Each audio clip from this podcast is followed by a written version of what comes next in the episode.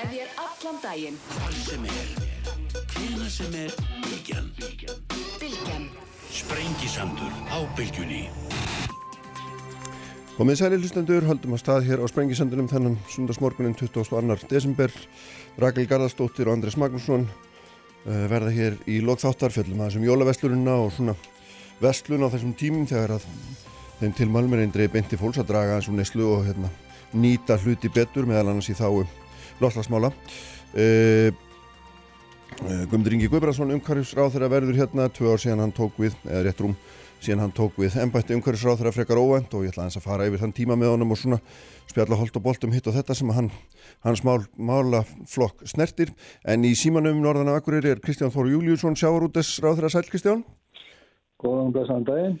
Og landbúnaðar á þeirra sem Já, að sjálfsögðu, má ekki gleyma því auðvitað. Nei, Nei, sjávarútes og landbúnaðar ráð þeirra með meiru svo má segja. Já, já. Já, já, heyrðu, við ætlum aðeins að fjalla um hérna mál sem að uh, tengist þessu samherja máli öllu saman og það er hérna byggjar því að þú saðir því frá frá ákvönum hérna stjórnsýslu málum ekki sagt eða stjórnsýslu kærum einhverjum fjórum og, og kallaðir þar inn staðgengil.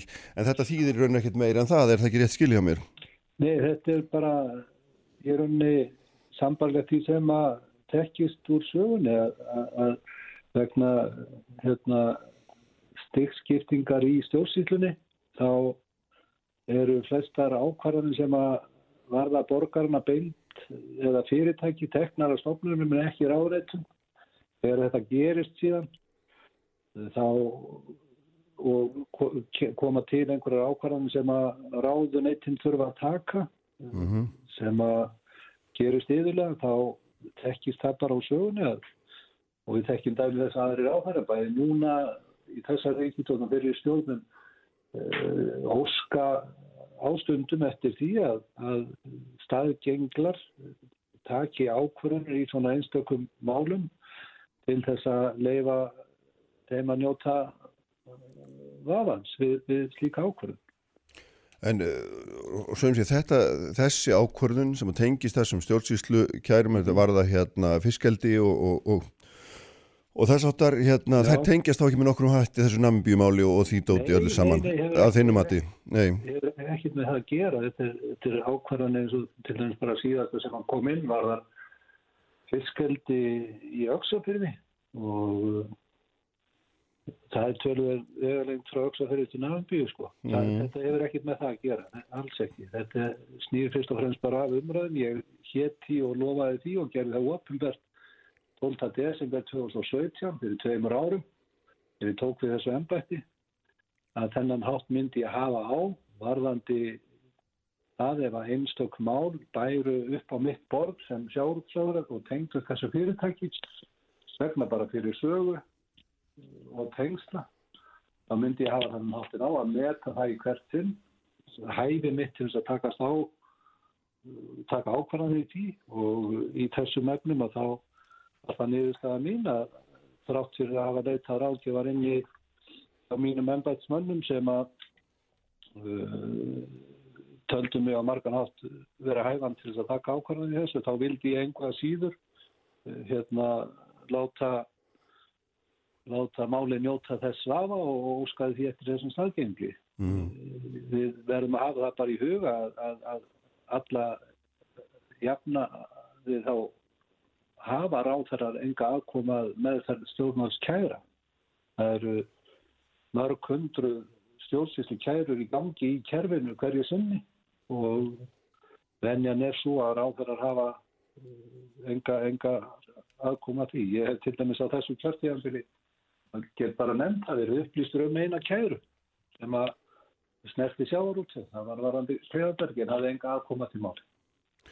Þannig að hérna þú, þér finnst þú vera að ganga lengra heldur og nöðsynlega, þurftir er það, það er rétt skilið? Nei, ég met þetta bara einfallega þannig að ég held að það sé gott ef að uh, ákvörðun sem þessi sé tekin þannig að ef það er einhver vafa mál uppi um hlutlægni uh, í ákvörðun sem þessari Mm þá finnst mér það bara eðlilegast hlutur í heimi að, að víkja sæti til þess að skapa meira tröst á ákvörðunni sem að ráðunni til þarf að- að að- að fjalla. Það er eins og að uppi núna rattir í pólitíkinu sem er allt annars eðlis og hafa í rauninni ekkert með stjórnsýslur að gera, heldur það er fyrst og fremst bara pólitík og, og við heyrum það frá stjórnarandstöðni til dæmi sem að ræðir þetta miklu mót.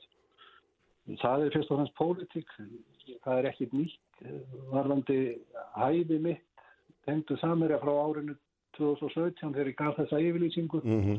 og ég spyr hvar hafa þessar rattir verið allan þann tíma. Það er ekkit nýtt í málinu, ekki nokkuð skapaðan hlutur. Nei, en einhver myndi nú segja að svona uh, pólitíkin skipti einmitt mjög miklu máli akkurat í augnablikinu og það að hafa hreint borð og hérna og, og hérna allt hafið yfir vafa og löstu tortrygni ekki sett og það er á þeirri gröfu sem það reist að þú hérna að minnstu kosti svona ítir frá þér öllum málum almennum sem að snerta samherja með einhverjum hætti. Öll, öllum ákvörðunum sem að lúta hérna, þessu tiltegna fyrirtæki einstakum ákvörðun, ég mun meta hæfi mitt þegar þeir, þær ber inn á borð og þegar að menn að ræða tengsl og annað og hæfi og, og hæfni þá, þá spyr maður sko þessi hagsmunatengsl sem að eru, hver, hver eru þau í raun? Ég var í stjórn fyrirtæki sem fyrir tveimur áratugum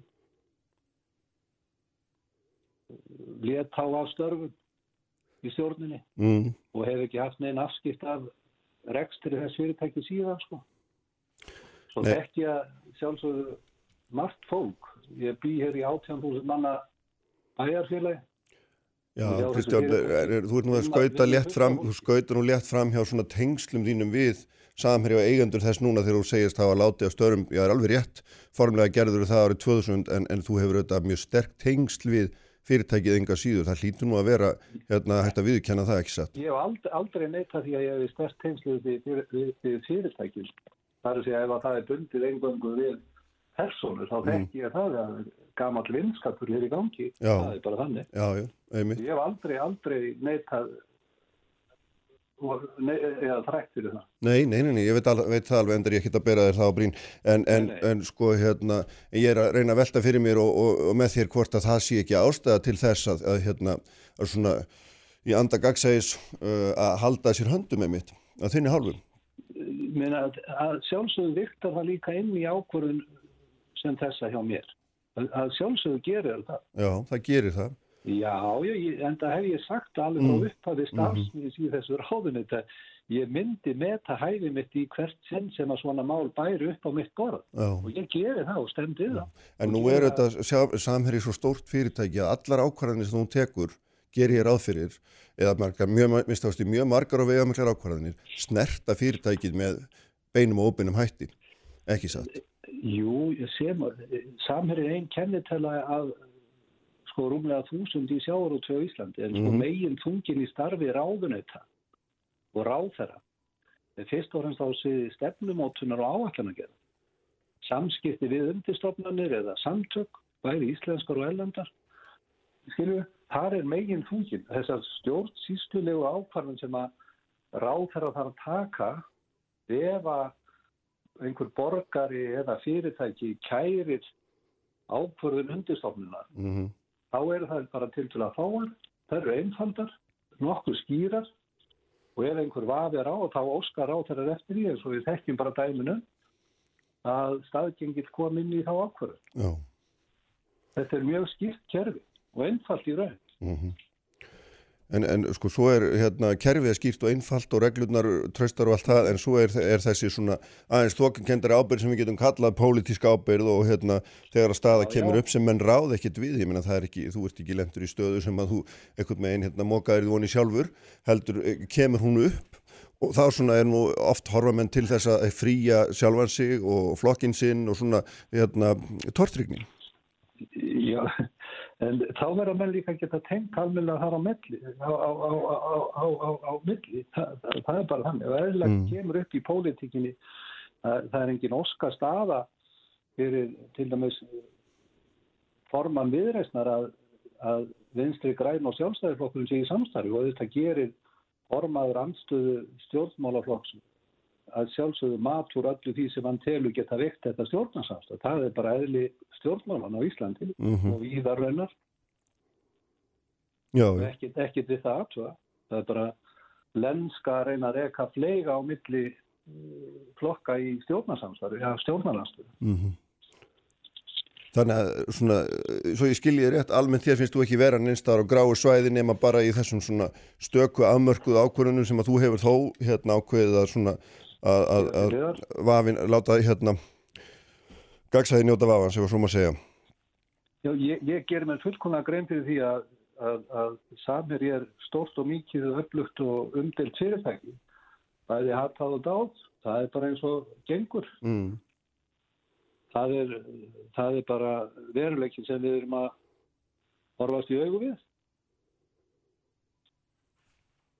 Já, e, hérna langar aðeins að hérna víkja örstuðt frá þessu vegna að eitt af því sem að hérna sem að er daldi merkilegt í þessu samræmáli er, eru, eru, eru þessi svona fjölmörgu dótturfjölu út um allan heim uh, sem að hérna hefur nú komið í ljósa að fjölmörg sjárutsfyrirtæki eiga og reka og hérna og menn hafa svona daldi spert eirun þegar að, að það kemur að því vegna að þetta er, li- liggur hérna upp í grunur um einhvers konar hérna, milliverðlagningu eins og það heitir uh, menn sé að færa til hagna á milli svæða þar sem að hagstæðar er, er vegna skattaumhverfis en að finnst þér sem sjárótisra þeirra einhver svona sérstök ástæða til þess að, að skoða þetta sérstaklega? Ég hef uh, lýst yfir að ég hef hérna, haft uh, áhuga á því að það verði skoðað uh, frekar þessi umræða sem að hefur verið um vellagningu á uppdórafla hér við norðanvert allasa því að við höfum fengið umræðina um, um hérna, verð hér til dæmis í uh, makrill við Noreg, Færiðar, Danmörku líka. Og uh, það er núna hafinn vinna við það að gera aðtöðun á því uh, á norrænu vettungi með okkar aðild og uh, ég vona það að við fáum niðurstöður úr því fljótlega á nýja ári. mm Þannig að ég hef ekki dreigið döl á það. Ég tel það mikið hagsmunmál fyrir alla sem að þessu tengjast, bæði sjáarútvegin, uh, ríkið, sveitarfjölug, verkefniseging og þessi mál séu bara með sem uh, reynastum og skýrum hætti þannig að allir hafi sama skilning á því þegar um þetta er rætt. Hefur einhverja ástæðu til að ætla, hefur einhvern grun um að, að hérna, þarna sé, sé farið á, á, á skjön við lög?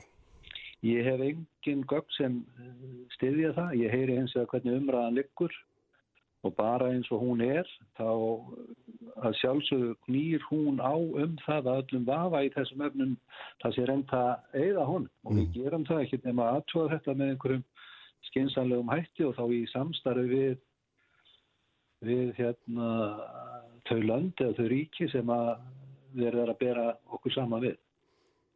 Hva, hva, hver, hver mun uh, hérna, sinna þessari rannsóknu okkar hálfu? Það er verið að vinna í þessu verkefni, ég veit ekki nákvæmlega bara stendur á vegum Norræl Ráðherranendarnar og þar er þetta verkefni í gangi. Þannig að einhver innlend stopnun kemur þá að því á okkar hálfu vandarlega Væntanlega. Uh, og því að uh, hérna, við höfum nú uh, dæmi um fiskistofur sem að hérna, menn segja get ekki sint eftirlítið sínu vegna hún sé svo hérna, vannfjármögnuð uh, eitthvað, eitthvað þurfum við að bregðast við þessu þá líka í, í kjölfarið ekki satt Nei, það, þetta er ekki verkefni sem að ég sé að fiskistofu vinna. Hún eins og það hefur upplýsingar sem hún getur miðla. Velast og að skiptaverðs var að reyna að gera aðtöðun og hún hefur upplýsingar sem hún getur miðla. Ég gerur átil því frekar að vera þeim með sérfræðingar til þess að vinna í þessum efnum. mm -hmm. Það er íslenski og ellendir. Það er samstarf á milli sérfræðinga í þessum efnum á milli Norðurlandana og við erum þá með einhverja íslenska sérfræðinga í því. Og ég Þýðir, veit ekki nákvæmlega hvað er stað. nei, akkurat en þýðir þetta það, skil þú það þannig þetta þýðir það að verið farið inn í gögni á fyrirtækjum til þess að leita upplýsinga eða Ég hvað veit ekki hvernig þetta verður nákvæmlega unnið en velast og skiptaverðs er með gögn. Og var grunnurinn að þeirri umdeldu skýslu sem að hún gaf út. Er eh, hérna, eh, svo við vikjum aðeins hérna, að hæfinu aftur hérna Kristján vegna þess að það er svona og líka snerti náttúrulega líka rannsókn á, á, á hérna, þessari starfsemi, það er þessi ákvörðun þín og ykkar um að, um að fela hérna, að, fá uh, matalastofnum saminuðu þó að rannsaka hérna, viðskipti með matmæli og þar sem að sittur nú fyrir í fyrir á fleti forverðin Átni Mattísen fyrir andir á þeirra. Meina, hvers vegna, vegna þetta er nú ekki, er nú ekki rannsóknarstofnun og maður sér ekki alveg í hennar, hennar sko uh, starfslýsingu að hún, hún uh, sé til þess fallin að rannsaka mála þessum tóa. Hún, sko, hún er að vinna í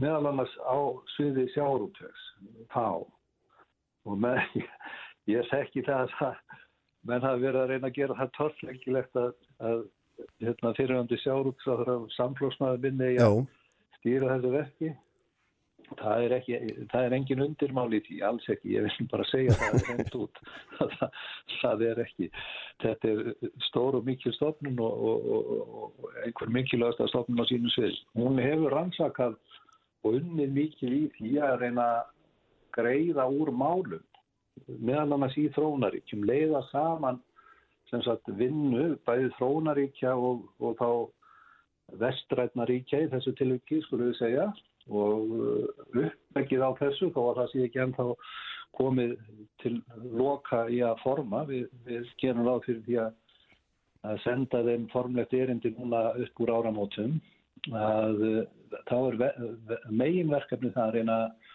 taka á því með einhverjum skynsanlegum hætti að uh, afrakstur auðlindanýtinga og þessu tilvilli sjávar auðlindarinnar verði eftir semestur í, í því heimalandi sem að þær eru stundar mhm, þá í þessu tilvilli þróunaríkjum já, og þetta er verkefni sem að við erum þá að vinna uh, á þann veg að þetta sé ekki bara unnið á forsendum vestræns ríkis eða vestræna ríki heldur verður þetta að vera einhvers konar samstarfs og samvinnu verkefni okkar og annara landa. mhm.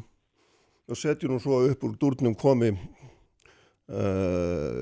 hið þveru öfuga og af okkar hálfu að Íslands fyrirtæki séu hérna blöndu í það að, að, að hérna kaupa aflaheimildir og fara með aflan úr landi og, og hérna eftir einhverjum krókaleðum eins og, eins og hérna samræmáli vilist hérna vera vottum. Hefa, að því við erum fannir að tala ef, með efum, Já, sjálfsögðu, þetta er allt eitt þá stort hef ef, já. ég sagt það og, og skal standa við það hvað sem er að ef svo fer að eitthvað misaft komi upp úr bókanum þegar að það er skemmst og ný og það eftir rannsók þá að sjálfsögðu verða menn að vera ábyrð á því og, og sæta refsingu með að það er að ræða. Það er bara mjög einfalt. Þannig er okkar ágæta réttar kerfi að við rannsökum mál og ef efni eru til ákjæru þá er það regna fram og þá er dæmt. Og í þann grunn og þessa, þessa, þessa grunneiningar eigum að halda og, standa við. Þannig að það verður engin miskun á þinni hálfu ef að sé um enga einhvers konar undadrátt eða svig. Nei, ja, ég meina, ég hef staðið fyrir það að við eigum að standa vörðum þessa þrjár megin stóðir, rannsók, ákjöru og dæma og hef ekki tugsað mér að kvika frá þeirri samfæringu að þetta sé eðlilegt og gott kerfi. Nei, en svo við hérna fyrir bindum aðeins endan hútin á þetta Kristján, hérna þú ætlar sem sagt að, sitja áfram sem fastast í þínu ráðnetti og óháð þeirri pólitísku gaggrinni sem þú er fengið á það. Já, ég meina, ef að það væri hérna, eitthvað í mínu ennbættisfæslum sem að væri upp á mig að klaga, Mm. þá að sjálfsögur myndi ég að skoða þetta en hinga til hefur það ekki verið og ég hefur rækt eða reynd að rækta mitt ennbætt sem að þína skildur eftir bestu getu og, og til mig hafa unnið af heilindum við það Mm. ekkit, sérstakt við þetta eh, þessa ósk mína til fósetsráðurum að þá staðgengil eh, til þess að úskúra í, í, í, í þessum málum einstöku stjórnsýslu kærum sem að þarna líka fyrir. En svona sko almennt talað, tengsl stjórnmála og fyrirtækja, stjórnmála manna og fyrirtækja, Mm eru þetta alltaf hérna, eða geta minnst og oft orðið. Ansi flókin og erfið og við þekkjum að tengsl peninga Já, og pólitíkur geta verið sko, hérna, mjög eldfim og ef Já, nefnum að skoða þinn feril, Já, þá varstu þetta stjórnaformaður samirja meðal annars með að þú varst hérna uh, bæjastjóru Ísafyrði, ekki satt? Og varst í, Akureyri, já og. Akureyri og þú varst í stjórn íslenskra verbreyfa svo ég taki nú bara eitthvað dæmi sem er nú enga fyrirtæki tvö ár eftir þú varst þingmaður já, já. og svo framvegis, ég meina þú ert búin að setja þannig séð begja vegna bóra nokkur sunnum á ferlinum og maður er svona veldi þetta fyrir sér í þessari spurningum hæfi. Hvar, hvar liggja þessi mörg að þínu mati? Það, hérna, það, þau liggja þar sem að maður dregur línuna hverja sinni. Það er ekkit eh, flóki við það og þegar maður þarf að taka ákvarðanir Mm. eins og í þessum efnum varandi eitt tiltekki fyrirtæki sem að vissulega ég tengist og hef tengst í gegnum tíðina. Nú þá er það bara þannig að þú metur þetta hverju sinni og leitar þér ráðgjafa eins og ég ger inn í ráðnettinu í þessu tilvill ég á langa sögu. Ég byrjaði ungur í pólitík, ég var 28-9 ára þegar ég var bæjastjóri og, og hef komið mjög víða við eins og sér bara á minni feril, Það er sko. það er bara þannig, ég á víða, víða spór, Já, það er hárið já. En svona mörg þeirra eru korrétt innan bæjarkerfis, uh, bæjar sem á hluti Já, í fyrirtæki eins og þú sást í stjórn landsvirkjunar, friðan dagur að bæjar gerir. Já, En svo eru önnur sem eru undanleiri eins og að sitja, held ég, í sjö ári í stjórn íslenska verbreyfa sem er sko hérna, enga fyrirtækja verbreyfamarkaði meðan þú ert, ert hérna bæði bæðastjór og þingmaður. já, já, já, já, það er margt undarlegt sem að kemur fyrir mann í lífinu sko. Og getur ekki afgreð þetta með þeim hætti að það sé margt undarlegt. Men þetta er einhver ákvörðun sem þú tekur á þeim tíma um að þetta sé í lagi. Já. Ég segi þetta er einhver ákvörðun sem þú tekur á þeim tíma um að þetta sé sam, hérna, samrýmist. já, já, já, gerir það vitandi vits Já, og hérna uh, Víða hefur verið leitað eftir sáskvöldum mínum og, og, og ég veg þá með hverju sinni að gera það já, og gera raunar enn. já. En myndur þú taka þér svona stjórnamennsku aftur? Það Núna? Myndur þú taka þér svona stjórnamennsku aftur? En svo núna til dæmis? Ég er ekkert gefin fyrir það að ganga mikið tilbaka. Nei, Ég voru freka fram á veg og, og, og e, leita frekar nýra áskorana heldur en að endur taka efnið mjög oft. já, en ég, þarna var ég nú að meina svona hvort að það myndi sam, sko, hérna, samrýmast stöðinni, kannski ekki sem ráþæra en sem þingmanns, maður setjast í stjórn fyrirtækis. Nei, ég, þú ertu komin lengra í efinum heldur en, heldur en við höfum verið áður. Já, eitthvað, Það er bara þannig. Ég er ekki á þessari leið, sko. nei, nei, bara svo að það er upplýst. Akkurat. Heyrðu, við skulum hérna, segjum þetta gott í bili. Heyrðu, kæra þakki fyrir spjalli. Ég Sömuleiðis. óska Þér og þínum og þeim sem hlusta, gleðilega jóla og ás og friðar. Já, sömuleiðis. Hvaðja norður? Ja, bestu kveður, kæra þakkir. Takk sömuleiðis. Takk, bless, bless. Bless. Við höldum hérna áfram á Sprengisandunum eftir augnablík með öðrum ráðhverjarendar. Guðmundur Ingi Guðmbrason, umhverfisráðhverjar verður hérna hjá mér. Fréttir þjóðmál og pólitík. Sprengisandur á bylgjunni. Sprengisandur á bylgjunni alla sunnundasmórna. Sælir eftir hlustendur Kristján Þór Júliusson, uh, sjáurútis og landbúnaðaráþara farin frá mér eða úr símanum öllu heldur að norðan. Uh, þau verða hérna hjá mér Rakel Garðarsdóttir og Andris Magnússon í lokþáttarins, þá ætlum við að fjallum jólaveslununa og svona, já, hugsa aðeins um lottasmálinn í te- tengslum við það og svona þær kröfur sem við upperum að fólk hérna sóu nú ekki mat og kaup ekki hluti sem það ekki enga þörf höfu fyrir og svo framvegis, uh, einhver svona hugmyndum að draga eins úr, úr óhóðleiri neyslu ef svo má segja. Uh, uh, en uh, hjá mér er núna Guðmundur Ingi Guðbrandsson, umhverfisráþara, velkomin, Já, takk hjá umhverfis og auðlindaráþara, svo maður fara nú með fullan titil. Sko það er rétt rúm tvö ár síðan að þú tókst við, komst auðvitað óvænt inn í þetta, hérna það hefur verið framkvæmstjóri landverndar og svo sem ég þurfa að veðja að það var enginn sem var búin að sjá það fyrir að það er ringt í því sérstaklega. En hérna svona sko og við ætlum aðeins að fjalla um þessi tvö ár svona holt og bolt en við langar samt aðeins að byrja í nútímanum vegna að þú ert nýkomin frá Madrid þar sem það var hérna loftlagsráðstefna saminuðu þjóðana þar sem átti að hérna svona spýta daldið í og, og ríki heims átt að koma með nýjar og uppfærðar áallanir um, um að draga úr losun gróðurúsloftegunda eða binda, binda gróðurúsloftegundir annarkort og hérna og Evropasambandi kom með mjög metnað fulla áallun skist mér uh, en aðrir voru daldið treygir í taumi og þetta var svona var það ekki hálfgjör vonbriði Jú, sko, fundunum var í rauninni ætlað að í fyrsta lagi klára svona það sem út af stóð frá Pólandi í fyrra Mhm. og það er svona sem að snýra bara regluverkinu í kringum það hvernig við ætlum að vinna á grundvelli parsasamkomlagsins. Mhm. Tæknileg vinna að sumi leiti en samt líka reglur um losunar heimildi svo kallaðar uh, og, og verslun með þær á markaði sem að skipti miklu máli og líka bara um gagsægi og það hvernig við gerum grein fyrir því hvað árangur við erum að ná að passa sér ekki tvíbókað og Já, svo framvegs já, já. og þetta, þetta gekk ekki nógu vel en þokaðist þó hins vegar það sem að snýra svona hertari markmiðum og öðru slíku að það er í rauninni fundurinn á næst ári þar sem er verið að, að uh, ætlast til þess að ríki heims komi með uppfærðar uppfærð markmið. En þetta svona byrjaði umræðan. Þarna sem sagt á fundunum núna eins og þú nefndir með Evrópusambandið og, og slíkt. En sáþungi verður miklu meiri á næst ári Já. byrjaði þó líka í rauninni í. New York á fundi saminuðu þjóðana sem að Katrín Jakobsdóttir fórsettisræðurinn okkar fór á og var meðal annars að tala um eh, það sem við erum að gera í kólefnisbindingu og tengslinn þá á milli lofslagsbreytingana og, og annara þáttar sem við erum að vinna að í, í samfélaginu eins og að endurhemta vistkerfi, votlendi og gróður og jarveg og annað slíkt. En fyrir mér voru þetta náttúrulega vombriði að þjóðir heimskul ekki hafa bara geta náð niðurstöðu, þetta mál skiptir okkur jarðabú alveg gríðarlega miklu máli. Og ég hef nú látið hafa eftir mér að uh, mér finnst að í svona rísastórum málum þar sem að við erum í raunin að tala um bara sko hvort að það verði já, við skulum, ég ætla ekki að vera of dramatískur en, en uh, byggilegt með þeim hætti sem það hefur verið. Mhm.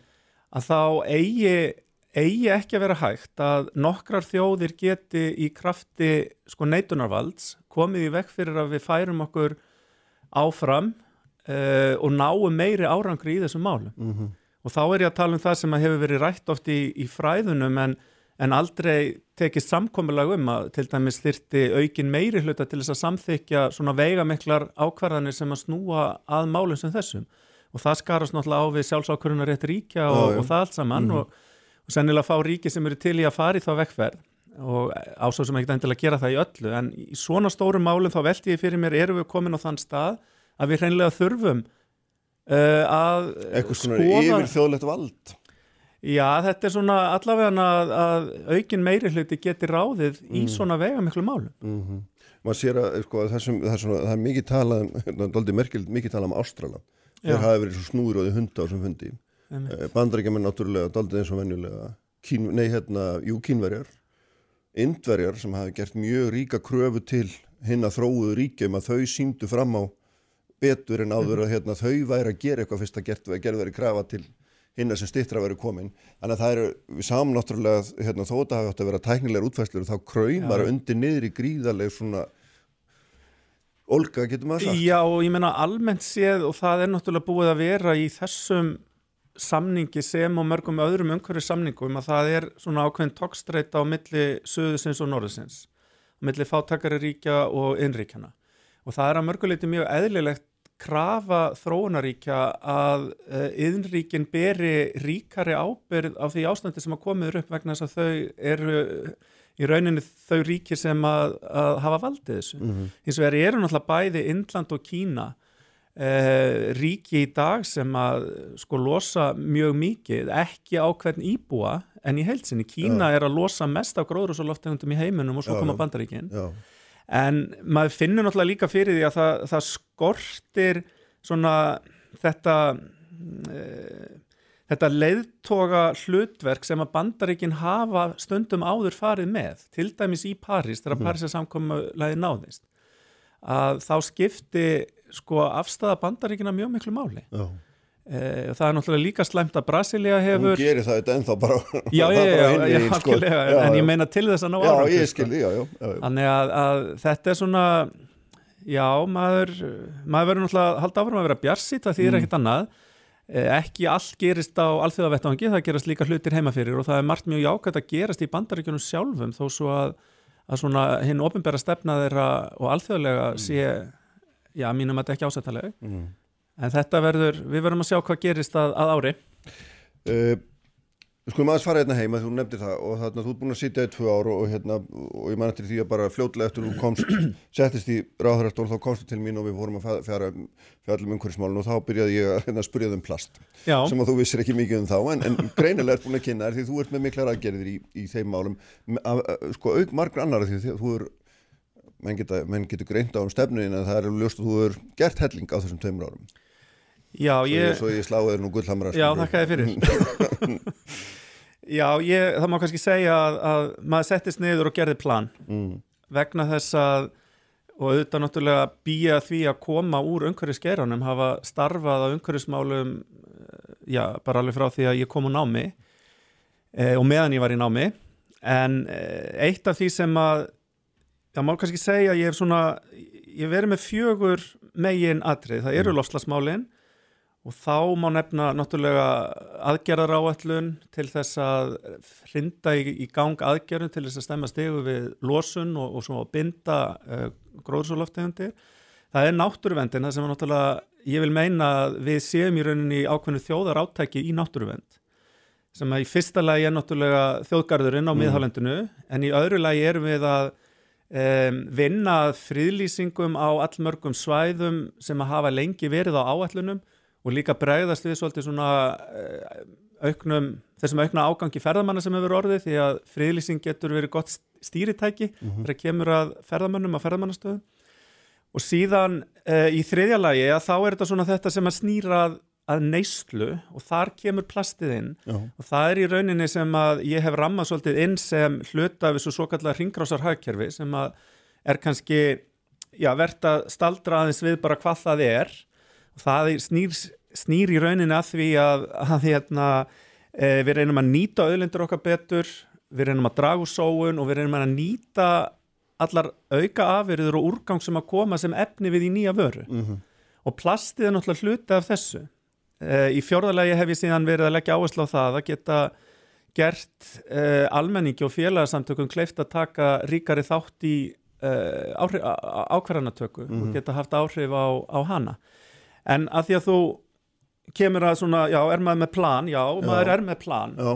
ég vil geta breytt samfélaginu. Já, og ég vil geta breytt í með þeim hætti að við byggjum minna á þessu neyslu drifna hagkerfi sem að við höfum byggt á mjög lengi og Vesturland gera. Og ég held að það sé algjörlega nöðsynlegt til þess að við getum í rauninni komið í veg fyrir að um, við ofnýtum öðlindur okkar sem að er mjög mikið hagsmunamál fyrir alla jarðabúa inn til langra framtíðar um, í því samhengi að þá uh, hefur náttúrulega ríkistjórnin núna bara nýlega og við erum að fara að vinna núna með næstu fjármála áallun út frá fleiri mælikvörðum heldur en bara hagvexti. Það er að við erum að fara að líta til uh, félagslegra og umhverfislegra mælikvarða líka. Eitt af því er losum gróðrúsuloftegunda, loftgæði, uh, heilsafóls, aðgengi að heilsugæslu og svo framvegis og svo framvegis. Og þetta er rosalega mikilvægt til þess að við notum ekki bara þessa hefbundnum mælikvarða eins og um hagvöxt sem að hafa náttúrulega verið að drífa neyslu uh, og aukna neyslu Já, já. í samfélögum heimsins. en það er náttúrulega svona sem maður nefnir það en einu sinni sko neysla er auðvitað ekkit er í sjálf sér bara hugtak yfir starfa keðju Já. hún, hún er það, að það er alltaf einhver á hinum endanum alveg sama hversu merkileg okkur finnst varan að einhver lifir af því að Já, og, hannan og komin á framfæri og, og selja hann á svo framvegi sko. en þess vegna er líka rosalega mikilvægt að þessi keðja sem að þú ert að tala um að hún sé ekki línuleg, heldur hún sé ringur. mm Og hvað á ég við með því? Jú, í dag er hún í rauninni allt og línuleg. Það er eitthvað framleitt, uh, þessi neitt og það verður til úrgangur og hann bara svona fer, ef við horfum á þetta eins og færiband, Já, þá bara dettur hann niður mm og er bara urðaður og farga með einhverjum hætti. En með því að búa til ringur þessu, mm. að þá erum við að fæða í rauninni sama neyslukerfið aftur eins mikið með í rauninni e, því sem að fellur af færibandinu á hverjum tíma til að setja það aftur inn í keðina. já, Og þetta skiptir rosalega miklu máli og það hafa verið gerðar uh, lærðar stúdíur á til dæmis bara efnaðslegum áhrifum þess að, að fara yfir í svona ringrásar hagkerfi meðal annars í Evropasambandinu, finnar eru mjög framalega í þessu. Mhm. og sem að sína það að þetta er líka skapastörf og Evrópusambandi er núna að vinna að innleðingu þessar hringrásarhagkerfis og við Íslendingar erum að taka uh, það upp líka. Mhm. og plastið er hluta af þessu að því þú nefndir það hérna áðan. Já, þar sem að eh, ég fekk nú til að byrja með bjóð ég til starfsóp sem að kom með einar átján tillögur ef ég mann rétt. Og við höfum svona verið að vinna að þeim smátt og smátt. Og núna í, á föstudaginn lagði ég síðan fram frumvarp í samráðskátt um já, að banna markasetningu á ákveðnum einnóta plastvörum mhm. sem ég held að skipti mjög miklu máli að gera því að við eigum aðrar vörur sem við getum notað í staðinn og síðan væri þá tekin ákveðin gjaldtaka fyrir aðrar vörur og við þurfum svona að skoða hvort það sé hægt að, að banna þær líka Mhm. En er, er þetta, er þetta sagt, góðu leið að þínum að, það, að þú orðar þetta svona að banna markasetningu á einhverjum tilteknum vörum heppilega væri náttúrulega er það ekki bara að fólk sjálft einhvern veginn hætti bara að kaupa þeir Jú, og ef mar það eru fyrir hendi Eða ég veit já, margir eru hættir að kaupa þetta en ekkert allir. Nei, þú ert að tala hann um einnóta hnífapör, Já, einnóta já. plastglös Ég er að tala um óþarfa. já, Það já, er eiginlega bara þannig, þannig Já, að mér er alltaf að banna óþarfa. Já, en, en hver á að skilgreina hvað er þart og hvað er óþart sko? Já, en þetta er eitthvað sem er að valda í rauninni alltaf stór hluti af þessum einnóta plastverum er að enda út í náttúrunni, brotnar niður, hefur neikvæð áhrif á lífríki sjávar. Við vitum ekki hvað áhrif þetta hefur síðan á helsu okkar, hvernig fer þetta upp fæðukeðina. Þannig að þegar við eigum aðrar vörur í staðin að þá held ég að þetta sé ekkert vandamál. En mér er bara betra að tala hreina og góða Já, íslensku og segja já, já. að þetta er það sem er verið að leggja til. Sko. Já, já, það sem að sko, þú ert með núna hérna, fjögur nýma ál inn í samráðskáttinni og það sem að svona margt sem ykkur aðtekli við þau sjálf en eitt af því sem ég hjó eftir er að tvö þeirra eru komin frá Evrópu Já. er sérst innleiðing á tilskipunum eða reglum Evrópsambandsins og, og hérna því við erum alltaf að fjasa um það hér hvort að Evrópsambandur áði meira eða minnu og hvort það sé gott eða slæmt, ég menn þú kemur alveg nýrin Mhm. og sér þetta með leikmanns augum að hvað miklu leiti erum við sjálfstæð þjóð í þessu og að hvað miklu leiti erum við hérna undir orpin vilja vilja hinnar yllu Evrópu og svo má segja. Já, ég held að þurfum nú samt líka að líta svolítið á þetta hverju sinni um hvers konar mál er að ræða. Já, og ef við horfum á umhverfismálin að þá tökum við upp flestar tilskipanir Evrópusambandsins sem að snúa umhverfismálum nema þar sem að snýra að, náttúruvernd og eik- einhverjum aðeins fleiri þáttum. Um, mat á umhverfisáhrifum til dæmi sem að okkur þykir sjálfsáður hlutur í dag að eigi sér stað fyrir stórar framkvæmdir og, og jafnvel minni framkvæmdir í sumum tilfellum er löggjöf sem að ánurendar uppruna sinni í bandaríkjunum á sínum tíma en kemur til okkar í gegnum EES-samning. já, já, Eh, sama má nefna, þú nefndir að það eru tvö frumvörp í samráðskáttinu Já. frá mér núna, annað er um plastmálið og hitt er um úrgangsmál, Já, tengist allt þessu nákvæmlega og ég vil nú bara við lítum frekar á hlutina þannig að, að um, margt af þessu sem að, og sérstaklega sem er að koma í umhverfismálunum er bara mjög jákvætt og, Mhm. og hjálpar okkur líka til þess að, að standa okkur betur í þeim málum. spurningi væri kannski þá frekar ég meina, hefður verið komin svona langt án Evrópu það getur maður hérna, já, maður getur spurt að því Já, mér finnst það alveg algjörlega lögmætt spurning sem er samt kannski ómögulegt að svara. mm.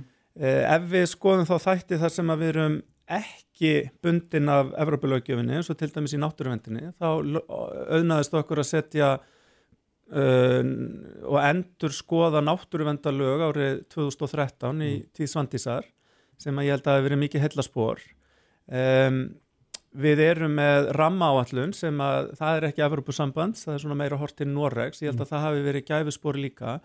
Okkur hefur eh, á svona sumum sviðum allavega þar sem við erum ekki bundin af Evropalögjafinni um, náða að, að, að fylgja uh, þessum málum ágætlega eftir. En það, já, ég mér finnst voðalega erfitt að gera stómar um það. Hins vegar er Evropalögjafin, hún er mjög viðfemt þetta er, má, má nefna líka bara efnalögjafina sem eru menguna og, og svona hættu að veldum efnum og svo framvegis, ábúðslega flókin lögjöf sem að ég held að hafa mörguleiti hjálpað okkur að, að, að, að í rauninni geta fylst að með nákvæmum okkar sem að mér finnst bara geta verið jákvæmt sko. Mm Rétt áður við gerum hlýja þá svona, hvað hva finnst þér svona standa upp úr þessum tveimur tveimur árin sem þú setið í embætti.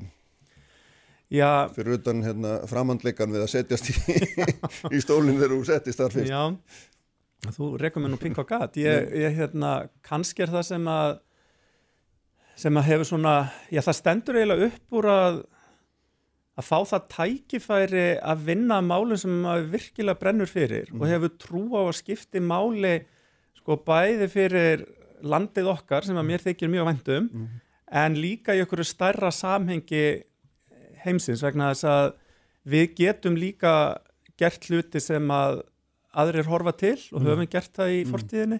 Þannig að það er kannski það að fá þetta tækifæri til þess að já, koma málum áfram sem Já. að maður trúir og á En nú ertu hérna farin frá því að vera uh, hérna, já þú ert náttúrulega ennþá utan þingsráð þeirra en þú ert orðin formaður í, varaformaður í stjórnmálflokki, það hefur gerst í mildtíðinni, orðin varaformaður í VFG og þú ert í ríkistjórn með, með sjálfstæðarflokki sem er nú verið kannski maður myndi svona einhver leiti skilgrinnar sem höfum við anstæðingu VFG og þessum að formaðurinn nýverið búið að segja að hann sé bara mjög ánæði með það formaður sjálfstæðarflokksins hvað hann kemur mörgum málum gegnum ríkistjórnina. já. Ert þú jafn ánæður?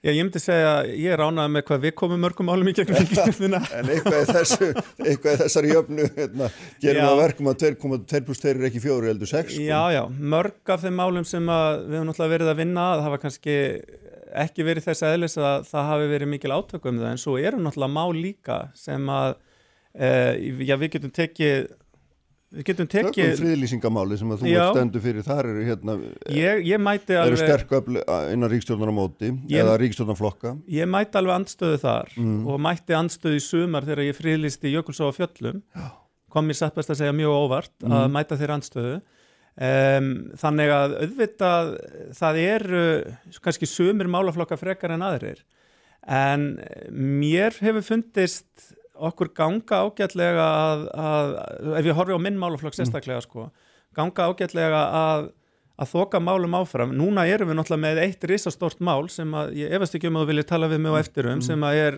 þjóðgarðurinn á miðhálendinu Já, já.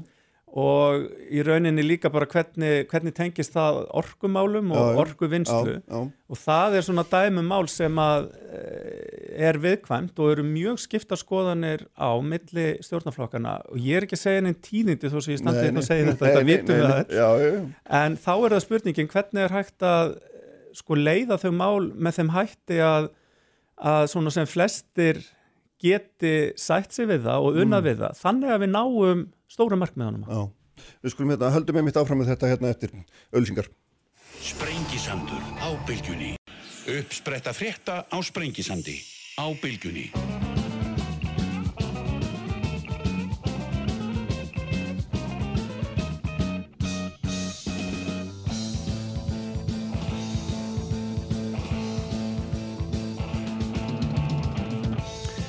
Komið sælir aftur hlustendur, höldum áfram hér á 12. tímanum að sprengisendurum þennan sundagsmorgun 22. desember uh, Rakel Garðarsdóttir og Andris Magnússon verða hérna hjá mér uh, á eftir, þar ætlum við að fjalla þessum jólaveslurina og svona eitt og annað sem henni, henni tengist meðal annars þá gröfu svona til neytundum að þeir haldi aðeins að sér höndum, nýti hluti betur og kaup ekki óþarfa uh, Guðmundur Ingi Guðbrandsson umhverfisráþurra er hins vegar hérna ennþá hjá mér uh, og við vorum svo sem að tala um það áðan að hérna, banna óþarfa.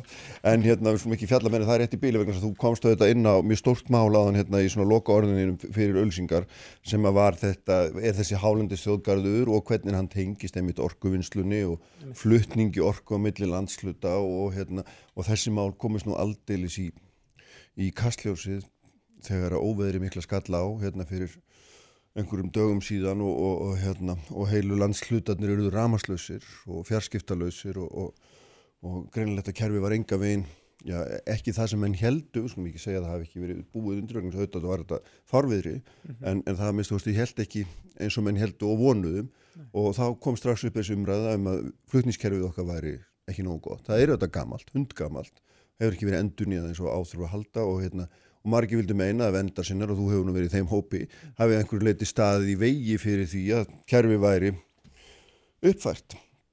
Þannig að þetta er svona heilmikill ingangur að þessari hugundafræði sem að hérna, við þurfum að takast á við. Hvernig, hvar virkjum við og hvenar og hvernig og hversu mikið eða, eða ekkert ef að það mennur þeirra skoðunar. Og hvernig hefur að koma orkunni á milli í landsluta að það er eitt af því sem að klikkar er að hún kemst ekki á milli Já, viltu, hefur að byrja á þjóðgarðinu eða byrja kannski já, bara óverinu, við getum líka bara að tekið það. Já, það þetta allt, hangir allt einhvern veginn hang- mér saman. Já, að vissu leiti öðru, öðru ekki að mínum já, mati. ok.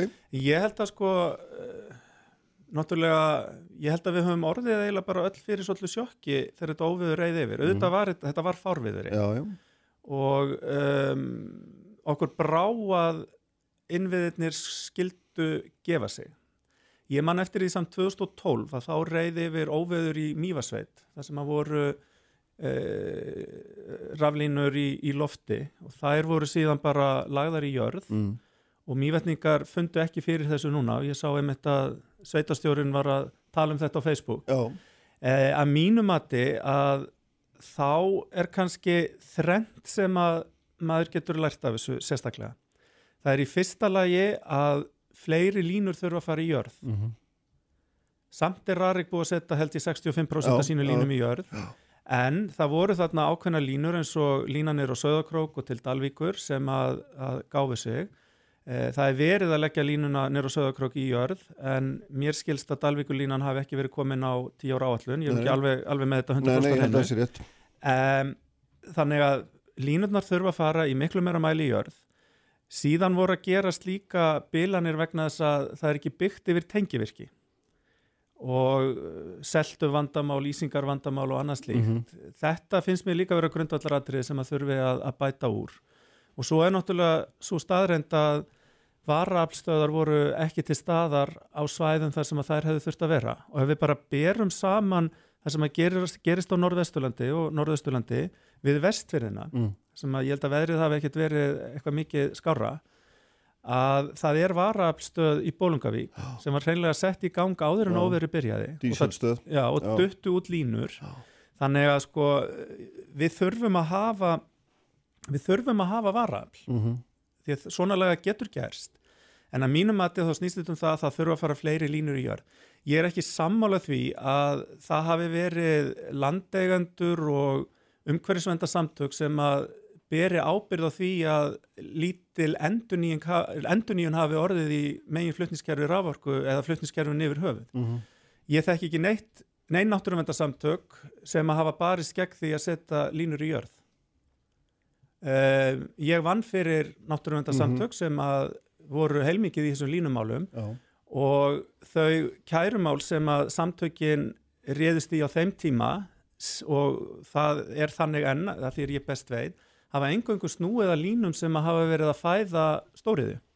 Já, nú nú er náttúrulega þetta er, já, þetta er eitt Það er- alls er að risa kerfi er það Já, ekki? ekki, það er lína sem að fer út úr meginflutniskerfinu mhm. Og sama með línurnar hérna þar sem að hefði ekki alltaf orðið ramaslust á Húsavík ef að miklu meira en var ef að þessu lína hefði ekki verið komin? Ég er ekki alveg klára því en, en hérna það voru einhverja línur þar Fyrir, áður. já. Eh, Ég held að, að þessi, þessi lína er fyrst og fremst til þess að, að tengja við Mm. hérna kísilverið á bakka.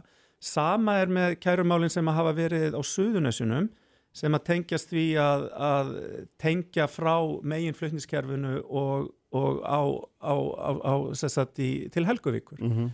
Eh, annar staðar hafa náttúruvendarsamtök mér vitanlega ekki verið í kærumálum. Auðvitað eru gerðar aðtúasemtir við áætlanir og svo framvegis. en, En- þau hafa gert aðtúarsandir við loftlínur mjög víða Já, það er rétt og, og, hérna, og þegar að, þegar að fjár, fjár, fjárhast, eini fjárhastlegi kosturinn er loftlínan þá, þá er, skiptir það náttúrulega meiri máli heldur en þú segir að það er engin lagst gegn, gegn jarstrengjum en ef þú ert bara með eina fjárhastlega skinsamlega leið og það er loftlínan og þú leggst gegn henni en þá kemur hitt ekki til álita já það var einmitt það sem að því var haldið fram já, af landsniti á sínum tíma já, og talað um að, línu, nei, að setja í jörg gæti verið sko markvælt, markvælt dýrara. mm, Um, það var síðan kannad af óháðum aðila sem að uh, síndi fram á það að það, það væri ekki markvælt meira en það væri meira, það Já, væri kannski helmingi meira eða tvöfald meira eða eitthvað slíkt. mm Uh, í sumum tilfellum er verið að tala um það líka að línur geta hlutatilfærið í jörð Mm. og þarna skiptir líka máli hvað við að tala um stóra línu þar að segja hversu aflmikla stóra þess að, og, og, og þar erum við náttúrulega að tala um mikinn mun á því hvort þú ert með sko þessar 220 kV línur eins og eru niður á bakka Mm. Já. eru hérna á suðvesturhorninu Mhm. eða 132 þú hefur miklu meiri möguleika að setja 132 í jörðu til dæmis og það er á pari við kostnæðin. Þannig að ég held að sko það hefur margt breyst núna á tíu árum eh, og líka bara viðhorfin gagvart í að reyna að koma þessum mannvirkjum meira í jörðu. Ég veit Mhm. að það er ekki hægt að setja allt í jörð. Það er alveg staðrænt. Já, En það er alveg hægt að gera meira Mhm. og við verðum að, að horfa til þess líka og náttúrulega sérstaklega á spennustegum sem eru lægri mhm, og eru þessar flestar af þessum línum sem að voru að, að detta út í fárvirðinu e, voru ekki megin flutningskerfinu heldur emmitt e, Já, já, minni því. angar út úr já, já, já. En sko, hérna, að því að þú, þú vilt leysa, hérna, setja upp þjóðgarð á miðháðalendinu og, og, og hérna, menn spyrja sig hvað þýðir það í þessu samhengi, þýðir það til dæmis það að ef, að- ef að við kæmast að samkúmulega það, við vildum taka rafmagn frá Suðurlandi, þar sem er nú megnið af okkar mm Mhm. orköfnum fer fram og flytja það norður til dæmis á norðvesturlandi eða Mhm. jafnvel út á vestfyrirna þar sem, að orkan, þar sem skortir orku Mhm. myndum við þá vera, vera til í að fara og mætti það þá í gegnum hérna, hálendis þjóðgar, plæja niður línur eða er, er, er, ertu að loka svæðinu Já. til að er- dreili þar? Þetta er bara mjög eðlileg spurning. Eh, Í stjórnarsáttmála segir að ekki verði ráðist í frekari línulagnir yfir hálendið Mm, og það er komið núna inn í þingsáleiktun um uppbyggingu rávorkukerfisins líka sem að Þórtís Kolbrún fór með í gegn í fyrra rétt mm, og í þessum tillögum sem að ég hef búin að leggja fram núna erum við að gera ráð fyrir því að það verði ekki nýjar loftlínur þess að nýjar háspennulínur í lofti já. En sem að er alveg opið fyrir að hafa það í jörðu Þannig við gætum farið með, svo ég skilji rétt, við gætum farið með línu í jörðu þvert yfir hálendi í gegnum þjálendis þjóðgarinn frá söðri til norður, svo dæmistekið. ef að það frumvar sem að ég er Mm. komið með drauga færi í Já. gegn eins og það er núna þá myndi það ekki banna okkur að fara með línu í jörð Mm -hmm. það þarf náttúrulega að passa upp á rask og já, já, og, og ganga vel frá og allt það en nei, það myndi ekki, ekki loka á það Mm -hmm. Um, ég held líka að það að fara með loftlínu inn á hálendi Íslands það er bara óráð. Mm einfallega við sjáum bara hvað gerist á línunni nýra á bakka. Þetta er nýjasta og sterkasta línan sem að sennilega er til, eða allavega svo nýjasta. mm -hmm. uh, og hún gefur sér líka. Mm. væntalega mestu leiti vegna ísingar. Og sko óveðri sem að varð núna í síðustu að þar síðustu viku um, við sjáum þetta það miklu tíðari veður sem þessu upp á hálendinu Mhm.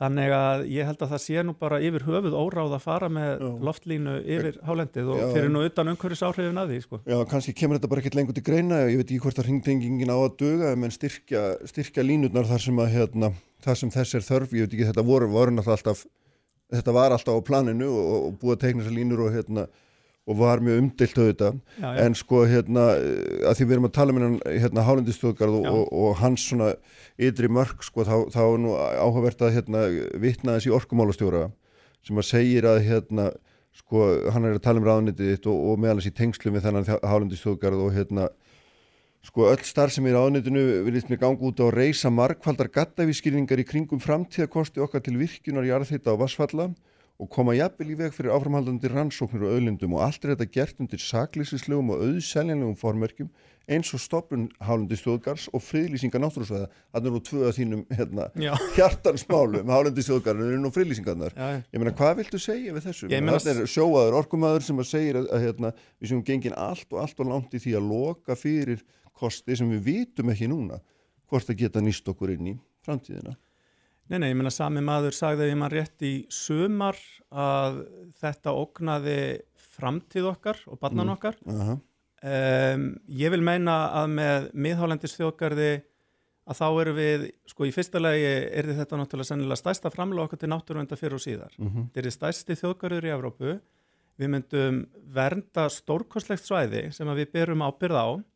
Við myndum búa til einstök tækifæri að fjölga störfum út á landi og ofinbjörnum störfum sem við tölum nú oft um að þurfa að gera. Við myndum búa til tækifæri fyrir byggðirnar, fyrir uppbygging og ferðarþjónustu í jæðri þjóðgarsins, afþreying og svo framvegis. Við lítum gera rannsókn, það er kannski þetta sakleysi sem, sem orkumálastjóri er að tala um þarna, en við bara reynum að byggja okkar vinnu meðal annars á rannsóknum. Og við lítum gera rannsókn á því hverju eru frílistræði að skila okkur og fyrir hverja krónu sem að ríkisvaldi setur inn á friðlýstsvæði eru 23 ára meðal til að skila sér tilbaka og um helmingunum verður eftir heima í héræði. Þetta eru tölur, þetta er það sem þau tækifæri sem að félast í miðhaldisþjókari. Hins vegar erum við náttúrulega þarna um, og í þeim drögum sem að ég er búin að leggja fram er verið að uh, teikna upp í rauninni, það er verið að taka á því hvernig ætlum við að fjalla um orkumálinn þá inn á miðhálendinu. Mm -hmm. Ætlum við bara að láta rammaállun halda áfram að matla þar og það sé bara hægt að skoða hverjar þær hugmyndi sem framkoma. Nei, við viljum draga einhverja línu í sandin við þann áfanga sem að núna er í gangi, svo kallan þriði áfanga. Mhm. Þannig að, að við drögum mörkin þar, það má þá skoða það sem er í þriði áfanga, en við gerum það vegna þess að við erum inn í þjóðgarði með aðeins hertari skilmálum. Mhm. Við lítum til þess að við erum inn í þjóðgarði, við lítum til þess erum við að tala um virkjana hugmynd á röskuðu og óröskuðu svæði og við lítum til þess að ef að til frekari virkjana kemur Mhm. að þá þurfi þeirra að uppfylla lámaskröfur um, um, um hámarskröfur um, um rask og um lítinn sínileik á yfirborði. En það er munur á því hvort það er röskuð og óröskuð svæði, ekki Ef það er á röskuðu svæði þá, þá er hérna, Þá er meiri líkur og Já. svo framins vegna þess að við það erum er sérst hægt að virkja innan þjóðgarðinsins hugsanlega. við erum ekki að loka á það Mm. um, og þarna erum við náttúrulega að fara millileg. Þú veist að þú ert með stjórnmálaflokka í ríkistjórn núna Mm. og inn á þingi og samfélagið er einfallega þannig að það, það hefur stundum logað út af virkjanamálum. Mm -hmm. Þetta hefur verið helsta bitbeini þegar kemur að orkumálum að það eru virkjanir. Já. Og þannig erum við að reyna að, að teikna upp um, kerfi þar sem við virðum leikreglurnar sem alþingi setti með rammaáallun, þar sem við erum að reyna að flokka svæði hvar með virkja og hvar ekki og það er leikreglur sem að fylgja þjóðgarði Mhm. sem að fela náttúrulega í sér að við getum ekki, ekki hérna ráðist í framkvæmdir sem er að hafa of mikil áhrif á þá náttúruvermeti sem við erum að, Mm. að setja fram og með því að til dæmis að horfa á röskuð svæði sem að þegar eru fyrir hendi að þá held ég að við séum að fara ákveðin ákveðin uh, veg sem að geti, geti, við getum náð saman um En sko, sem er gríðarlega mikilvægt. Já, en þegar, þegar þið eru að, að skoða þetta, þú nefnir þessar tölur á hann um hérna, uh, arbærni hérna, þjóðgarsins, að það, meina, eru þið að skoða þetta nægilega vel út frá sko, hérna, uh, svona möguleikum okkar til þessara svona, ef við ekki segja, loftlasvænu, raforku, vinslu og allt þess áttar, ég meina, þetta er náttúrulega gríðarlega auðlind sem við erum að einhverju leiti kannski að Já, fórna. já, við erum Ta náttúrulega Takið þetta allt með í reikningin eða hvernig er þetta að skoða? sko, þegar það kemur á orkuöflunni að þá eru náttúrulega megum við ekki gleyma því að það eru líka svæði utan miðhálendisins sem að hafa verið skoðum. Megum heldur ekki gleyma því að um,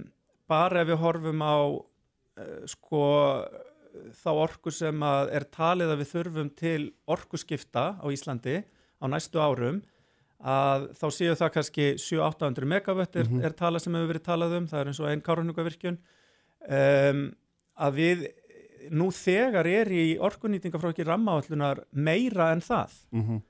þannig að sko við erum líka að tala um það að væntanlega vindorkan hún er farin að vera hagkvæmar en hún var og við megum heldur ekki gleyma því að það verða verður tækni þróun og það verður hagkvæmar að ráðast í endurnýjanlegar orku um, gerðir aðrar heldur en nákvæmlega þær sem eru upp á miðhálend Ísland sem að mér finnst bara sjálfsagt mála við reynum að, að standa vörðum það svæði sem skapar okkur líka fjölmörg önnu tækifæri. Og þessar humdiðin að rýma þær við þessa orkustefnu sem er í, í hérna, bígerð og á að skila, held ég, að vera draugum að henni á skila núna í februar næsta. Það verður spennandi að sjá hvað er í orkustefnunni. Já. Ég er ekki búin að að sjá á hana um, en ég held að við erum þarna að vinna með náttúrulega nokkur markmið og eitt af markmiðunum okkar sem að er fest í stjórnarsáttmála er að stopna þjóðgar á miðhólend Íslands með öllum þeim tækiförum sem því fylgja og við þurfum að, að, að klára það mál. Það er alveg ljóst. Mm Sko, hérna, bara svo rétt við sláum botnin í þetta, hérna, Guðmundringi, uh, varðandi óveðrið og, og það allt saman, þá, þá svo ég skiljiði bara rétt að þá er það þín skoðun að, hérna, að, að, að svona, uh, þarna sé fyrst og fremst um að, hérna, ákveðna, ákveðna vankanta í uppbyggingun ræða þar að segja að línur hafa ekki í næginlegu mæli verið settar í jörð, menn hafa verið að horta mikið þá á kostnæðin vantarlega, fyrst eru ekki búinir að því uh, og, og hérna hafa ekki byggt yfir tengivirki en að öðru leiti þá, þá hérna, já það sé sérst megin ástæðan fyrir þessu Ég held að það sé megin ástæðan fyrir því sem að gerist. Mm. Eh, Það þýðir ekki að það er sjálfsagt mála að skoða alla þætti sem að þessu snúa og líka þá þætti sem að snúa að leifisveitingaferlinu getum við gert það skilverkara. Aha. Það er eitt af því sem við erum að skoða núna í heldar endurskoðun og lögum, lögunum um mat og umhverfisáhrifum og ef við getum strömlínulaga kerfið okkar betur þá er það bara hitt besta mál. En finnst þér ekki sjálfum það, það, það er þörf á því eða hvað? Að strömlínulega kerfi, menn er að flækjast með mál í kannski áratugin í hérna Ég held að það sé nú kannski, Ég held að bakkalínan hafi mitt tekið áratug frá því að hún fór á stað. já, en það er náttúrulega líka allur undirbúningstíminn sem að fyrirtæki tekur til Já, þess að vinna þetta, þannig að og það er ekki eins og það hafi verið fast í kerfinu í einhvern slíkan tíma. En já, eins og ég segi, mér finnst það sjálfsagt. Í sömu tilfellum snýst þetta líka um fjármagn og við höfum séð það hjá úrskurðanemnd umhverfis og auðlindamála. Þegar ég kem inn í ráðunettið að þá er meðal úrskurðatímin ef ég mann rétt ykkur er 14 mánuðir Mm og þeir eiga að vera 3 til 6 Já, og við erum komið niður núna uh, í sjömánuði með því að setja auki fjármagnin mhm. þannig að stundum höfum við kannski líka verið að svelta kerfin okkar Já. sem að er að bytna akkurat á þessu Mhm. uh, og, og þá er það kallað tafir. Þegar að það er kannski einfallega vegna þess að, að við erum ekki að búa nægilega vel um stopnarnirnar okkar sem að eiga að, að, að sinna þessum málum. En já, auðvitað er bara sjálfsagt mál að, að skoða það og það er í skoðun. Og við erum búin að vera núna í þessari heldarendur skoðun á þessum lögum til dæmis núna í um ár.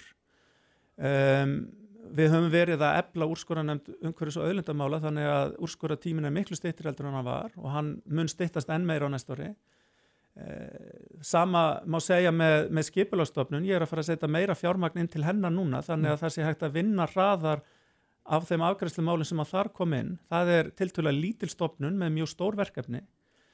Þannig að þetta snýst ekki allt um það að, að sko það séu því líkir flækjufótar í, í, í lögunum okkar, það er hægt að einfalda. Við erum búin að sjá það í þessari heldarendur skoðun og lögunum um mat og umhverjusáhrifum eh, en þetta er líka spurningin um að við getum gert stopnunum okkar kleift að vinna hraðar. Ljómandi, ég held við látum hérna, setjum punkt á eftirrefninu, punkt amin á eftirrefninu.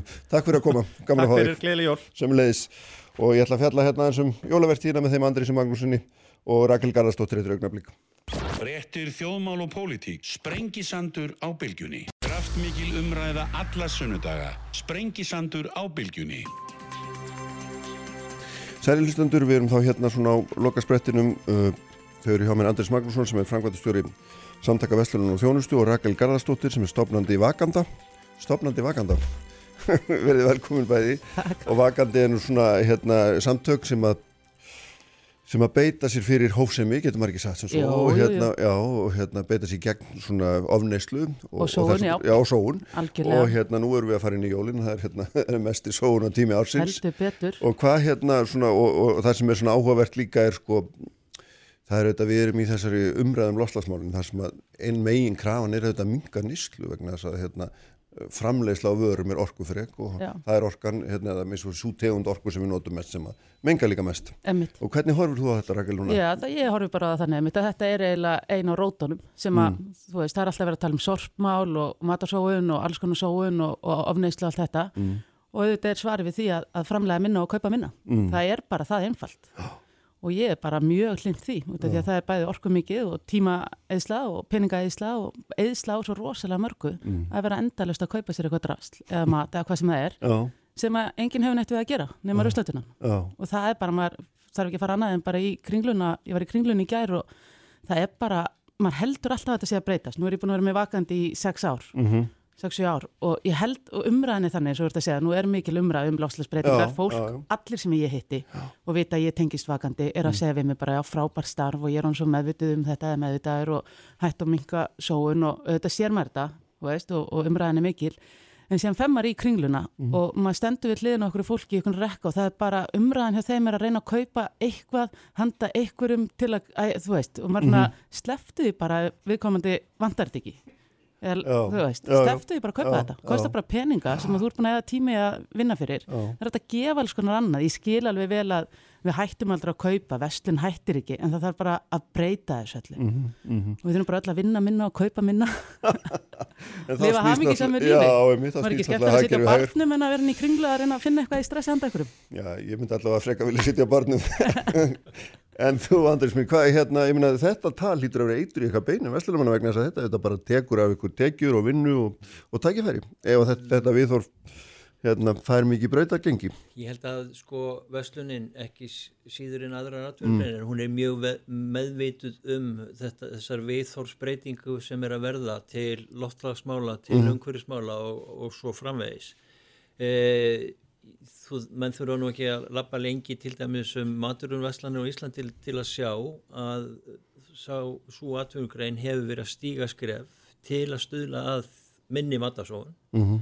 það er e, mikið um það að fólk getur keft vöru sem er komin síðasta söludag á lækkuðverði þetta er framlag vestlunarinnar matvöru vestlunarinnar beint til þess að minga matasóun líka Uh, uh, Vöslunin sem slík hefur líka verið uh, þrátt fyrir að ráðhverjan hafa nú ekki nefnt það hérna á þann mm -hmm. sko, tekið mál eins og plastmál sem er partur af þessu öllu saman mjög förstum tökum svo ég aðeins bara revi upp að stjórnvöld pólitíkin vildi skatleggja plastpoka, hérna hefðbundum burðarpoka út af markaði okkur tókst í hagsmunabarátuna að spilna við fótum þar samfærum stjórnvöld um að það væri vænlegri leið til þess að láta greinina sem slíka gera þetta sjálfa. Mm. vegna þess að það væri algjör viðhorsbreyting að verða til þessara hluta þar.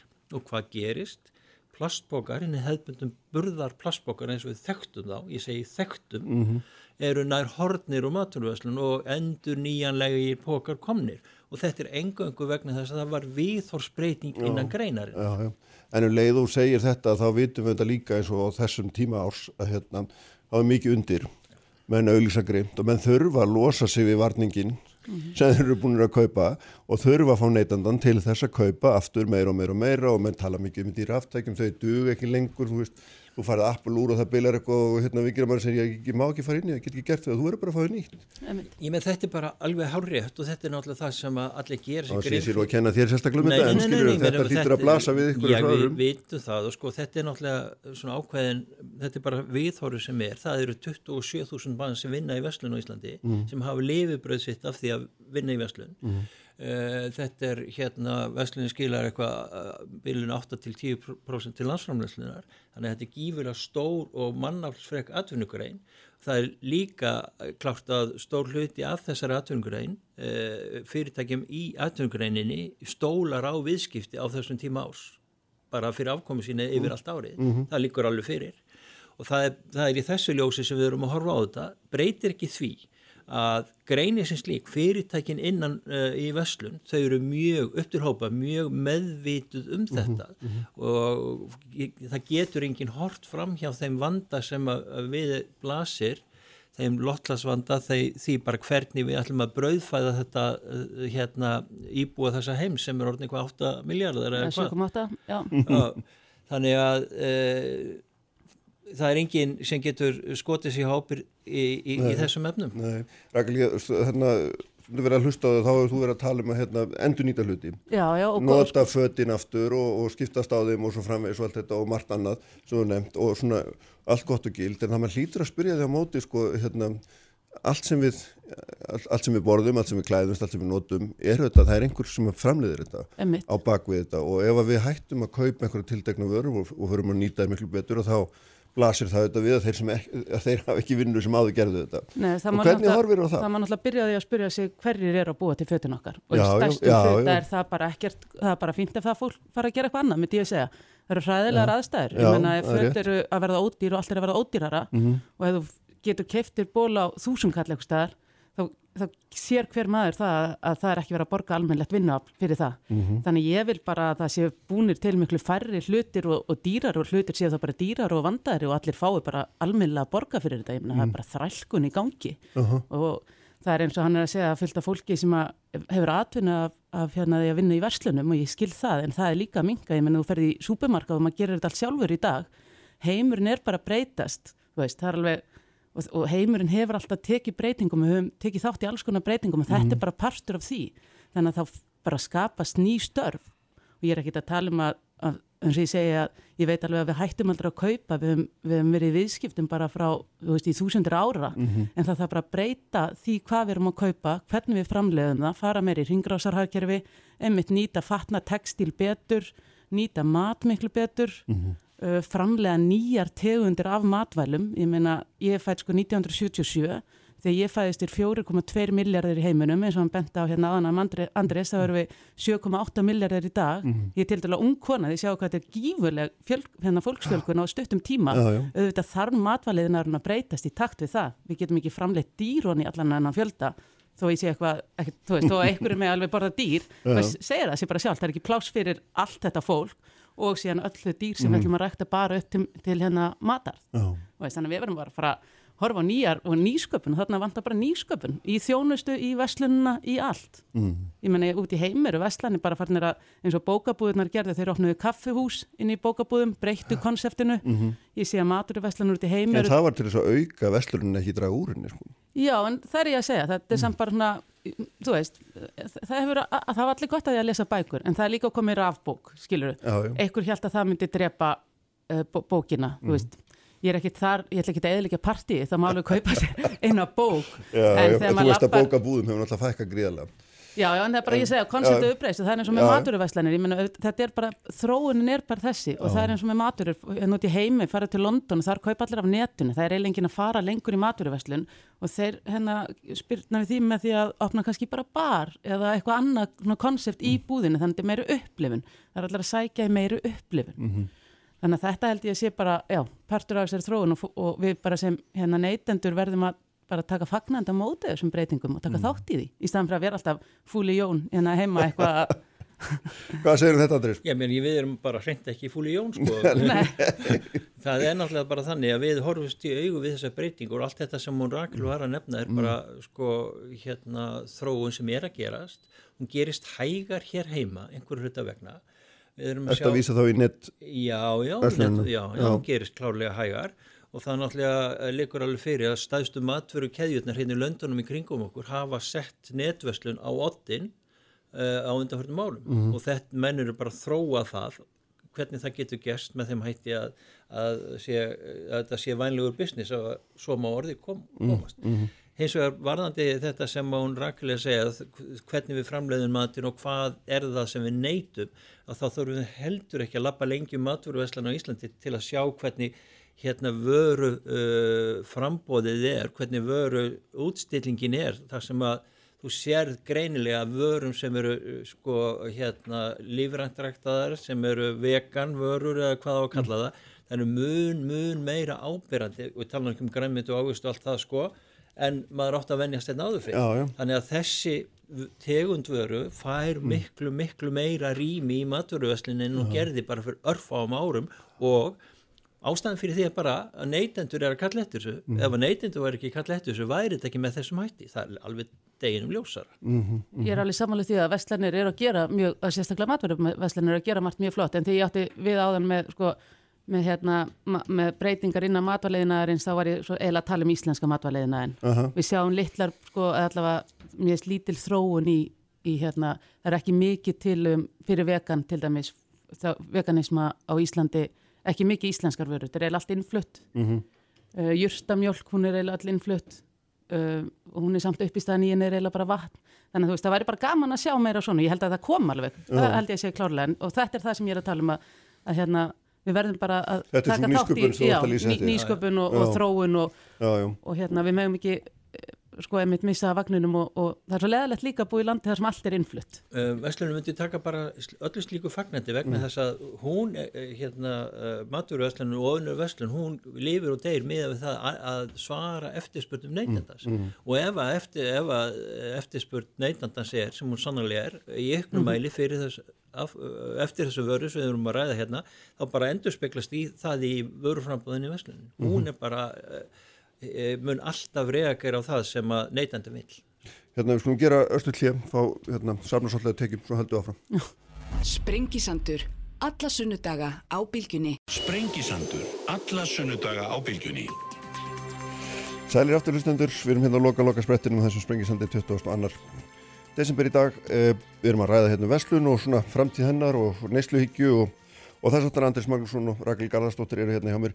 Sko við vorum að ræða sem netverslun aðan og svona þessar breytingar Andris hérna miklu og, og hérna þú varst að nefna það einmitt að að svona sem maður þekkir auðvitað við að hérna, uh, það er spáð einhverju svona 25% eins og þú nefndi 25% starfafækur næstu árum í, í svona smásöluverslun og, og hérna, þetta er að færast mikið inn á netti og, og gjör breytast og maður heyrir líka sérstaklega í bandaríkjum það standa heilu, heilu mollin eins og þetta kalla bara auða því að það kemur engin ánga lengur, fólk bara fer á nettið og, og þetta er að gjör breytast Já, þetta er ákveðt mm. rétt lýsing sem að þú gefur sko, þetta er þessi þróun eh, eh, hefur svo sem verið að smá Mm. aukast núna undan fyrir náur en er að taka algjört stökk núna það er jú, En þannig- dregur þetta úr verslun eða þetta Nei, bara eða hvað meina, gerist? það er bara þannig að sko, það eru sko bara á BBC byrtist, frétt núna í, fyrir ekki það löngu síðan það sem var fjöldi þeirra uh, sko vestlana plássa sem hefur lokað í London á þessu ári Mm. skipti túsund Mhm. og skýringin sem er gefin er einfallega þessi að viðskiptin er í auknum mæli að færast á netið og þá er ekki lengur e, fjárhastlega físilegt að vera með e, fysiska verslun Nei, sem að segja akkurat. á dýrum staðin sem miðborg London nákvæmlega sam, sambærilega tölur að sjást frá Manhattan, New York Mm. þannig að e, þarna eru tvær sko, e, getur sagt bara höfuð víi e, e, hérna spásölu versluninu heiminum Mm. að bregðast svona við og, og sína svona tölur að þá segir það nú meiri mörg orð um það hvernig þróunin er verða Já. Og uh, að því við erum að, að sérstaklega ræða maturverslun, ég man ekki hvort ég sagði það áðan, en stóru maturkeðna hérna í kringum okkur, bæði á Norðurlöndum og í Bretlandi, eru bara um fókusin á því Mhm. að hvernig er hægt að stöðla því að, að, að uh, verslun með maturu færist á netið Mhm. og þetta er eiginlega kjarnast, kjarnastarfsið með þeirra allra núna En er- þetta er að þró, uh, þróun í þe- þessa veru sjáum líka hérna heima Allir sem að vinna í kapitalisma og kaupmennsku þeir eru alltaf að reyna að auka en ekki öfugt þannig að ég ger ráð fyrir að menn farin á netti vegna þess að kannski er þið til netin en líka til þess að auka businessin. Hefur það verið reyndin eða hvað? Nei, Það er ekki? nei, nei, nei, nei, það hefur ekki verið reyndin og bara allars ekki svona milli 1 og 2% af verslum í matvöru á Íslandi sem fer, fer fram á netinu. Það er bara Mhm. En ég meina þannig það sem þú ert að nefna elendist þegar að menn eru farið í svona stórum stílin á netið er það til þess að auka verslunina eða verður það til þess að draga úr henni? Já, það er bara hvort vekja, Mm. sko, stærri og stærri hluti neytenda fara á netið áður en er ákveða að kaupa, kaupa sér vöruna mhm. og uh, hvort sem það er gott eða slæmt út frá því sem við erum ræðið hér skal ég ekki segja um, en það er allavega algjörlega dæmum breytta neytenda Mhm. og, og, og á fundum sem við erum haldið og undanförnum höfum við fengið fjölmarka erlenda sérfræðing á þessu sviði, aðarfundi okkar og aðrafundi og það er bara, það stillir þessu upp á mjög einfaldan hátt. Ég meina ef þér vantar skó fyrir ræktina og þú veist nákvæmlega hvernig skó þú vilt uh, hérna kaupa, þá er einfaldara fyrir því að setjast í tölvuna þína pantaði á netinu heldur að eða hérna kannski klukkutíma eða tveimur í smáralindi eða kringlunni eða annars staðar til að ve- kaupa skóna. Þannig að uh, sko að því að tíminn er alltaf dýrmætur fyrir fólk og verður alltaf dýrmætur og dýrmætari þá getur þú gert þetta með þessum hættu og fengið þetta heim samdagur sjálfur. Það er þetta sem við erum að segja. Þetta er dæmiger uh, dæ, gott dæmi þá gífulega breyttu neysluhegðun, þess að breyttu aðferðafræði við verslun Mm. Sem við erum að að verða að vitna þess að hjárin. Þetta, já, þetta er aldrei svona skemmtilegt að velta í fyrir sig hvort þetta verður til þess að sko, að það er svo auðvöld að vesla á netinu, það er svo auðvöld að klikka á Já, ég held að fólk falla alveg í freystingar og það eru til mjög marga skemmtilegar síður á netinu þar sem að fólk er að sína hvað það ætlaði að panta sér og hvað það sé hann fjekk. Já. Það er þetta kannski aðalega þegar við erum að vesla frá Alibaba eða eitthvað að það verður rosalega sóun allavega í fatakaupum í svona netsölu, þú einmitt heldur kannski á sért stærð tíu eða vonast það, svo færði eitthvað og það passar ekki og þú ert ekki að hafa fyrir út þetta er svo ódýrt að senda þetta aftur tilbaka. Já, það kemur kannski eitthvað það er vittlust litur eða eitthvað, þú veist, þannig að Selt þetta á hérna, sem betur fyrir náttúrulega að koma, já, koma eins og ekstra loppan og barnaloppan og fullt af nýjum verslunum sem að er að hérna, ganga rosalega vel í, og ég sá rauðakrossbúðinni komin inn í kringlu líka þar sem er verið að selja notaðan fatnað og þessar verslani ganga rosalega vel. Og þetta er mjög sniðugt eh, en veist, þetta er náttúrulega, já, út af því að eh, það eru margir, sko, margir sem halda það að þeir gefa fötir rauðakrossins að það sé endilega gott mál en það er ekkit alltaf gott út af því að þeir sem að þurfa á sem fatnaði að halda, þeir eru margir farnir að loka bara hjá sér og því það flæðir bara til þeirra fatnaður, það er ég að tala um þriði heimsríki, svo Haiti og svona. Þar getur, og Kenya, þá getur bara fólk ekki tekið við þessu lengur og tekið bara allt, alltaf mikið magn, Já, þannig að þannig að ógnóttin er slíka það er ekki eins og þetta að gefa textinni frá sér og lengur. það er náttúrulega þetta sem er stærsti vandun og líka með svona endursölu að, að, að fólk fríja sér oft með þessu þú veist, kaupi bara nýtt og nýtt og nýtt og nýtt út af því að selur síðan bara þetta gamla. Auðvitað er það betra en að henda því. En eins og ég talaði mér í upphafi rótin er náttúrulega þetta að það sé bara allt og mikið framleitt í heiminum. Ímyndu ykkur með stóla. Þarf fleiri stóla í heimin ætlaði þessi ekki nógu stólum handa öllum til að sitja í heiminum? Þú allir settust niður í Já. einum hvað að séu margir stólar framleitur á dag þetta er svo astnalegt, skilur með fatnað. Ég held að sé 80 miljón plögg af fatnaði sem er hent á, á ári sem að sóast bara úr versmiðum og þegar koma aðeins öðri sig en þar áttu Mhm. frá versmiðinni getur ímyndað ykkur stóra vestlani hvað eru að panta mikið magna hverju? Mm. þetta er eins og með ma hérna, matvælin líka. Þú veist, það er að vera að kaupa bönir frá Afríku, fljúa hefur halvan hnöttin og svo skemmist þetta á leðinni kannski.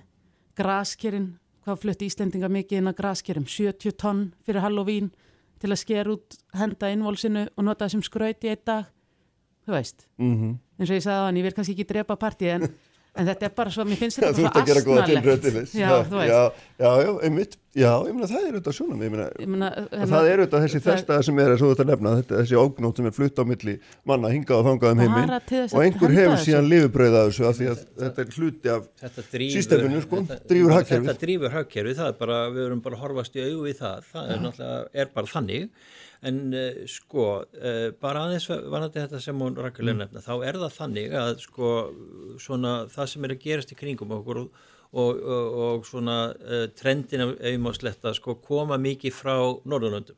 Við tökum mikið upp Mhm. svona siðina frá Norðurlöndum og það er alveg klárt að að bæði þetta sem hún nefna með endursölu vestlani með fött og ég tala nú ekki um endursölu sko, vestlani sem stöðulega bættir nýtingu matvæla svo, svo dæmis ég tekið í Danmörku er þetta algjör sprengja. Þeir hafa gert þetta mjög flott og er bara algjörlega til fyrirmyndar. Og það sem við segjum alltaf og bara vitum af langur einslu að það sem uh, Norðurlanda búið að gera það kemur hingað fyrir það síðar. Og ég hef ekki neina ástæð til að ætla annað en svo verði hérna hjá okkur líka. Heyrðu, frábært, takk bæði fyrir að koma, gaman að fá ykkur. Sumleðis, gleðilega hátíð. Sumleðis og hérna, þetta er síðast þáttur fyrir Jólasjónsöðu hér á Spengisandunum Ívar Haldursson stýri útsendinga á venni og allt efnin á bilgjam.is og vísi.is sjálfur ætla ég að vera með ykkur hérna aftur eftir viku en þanga til gleðileg jól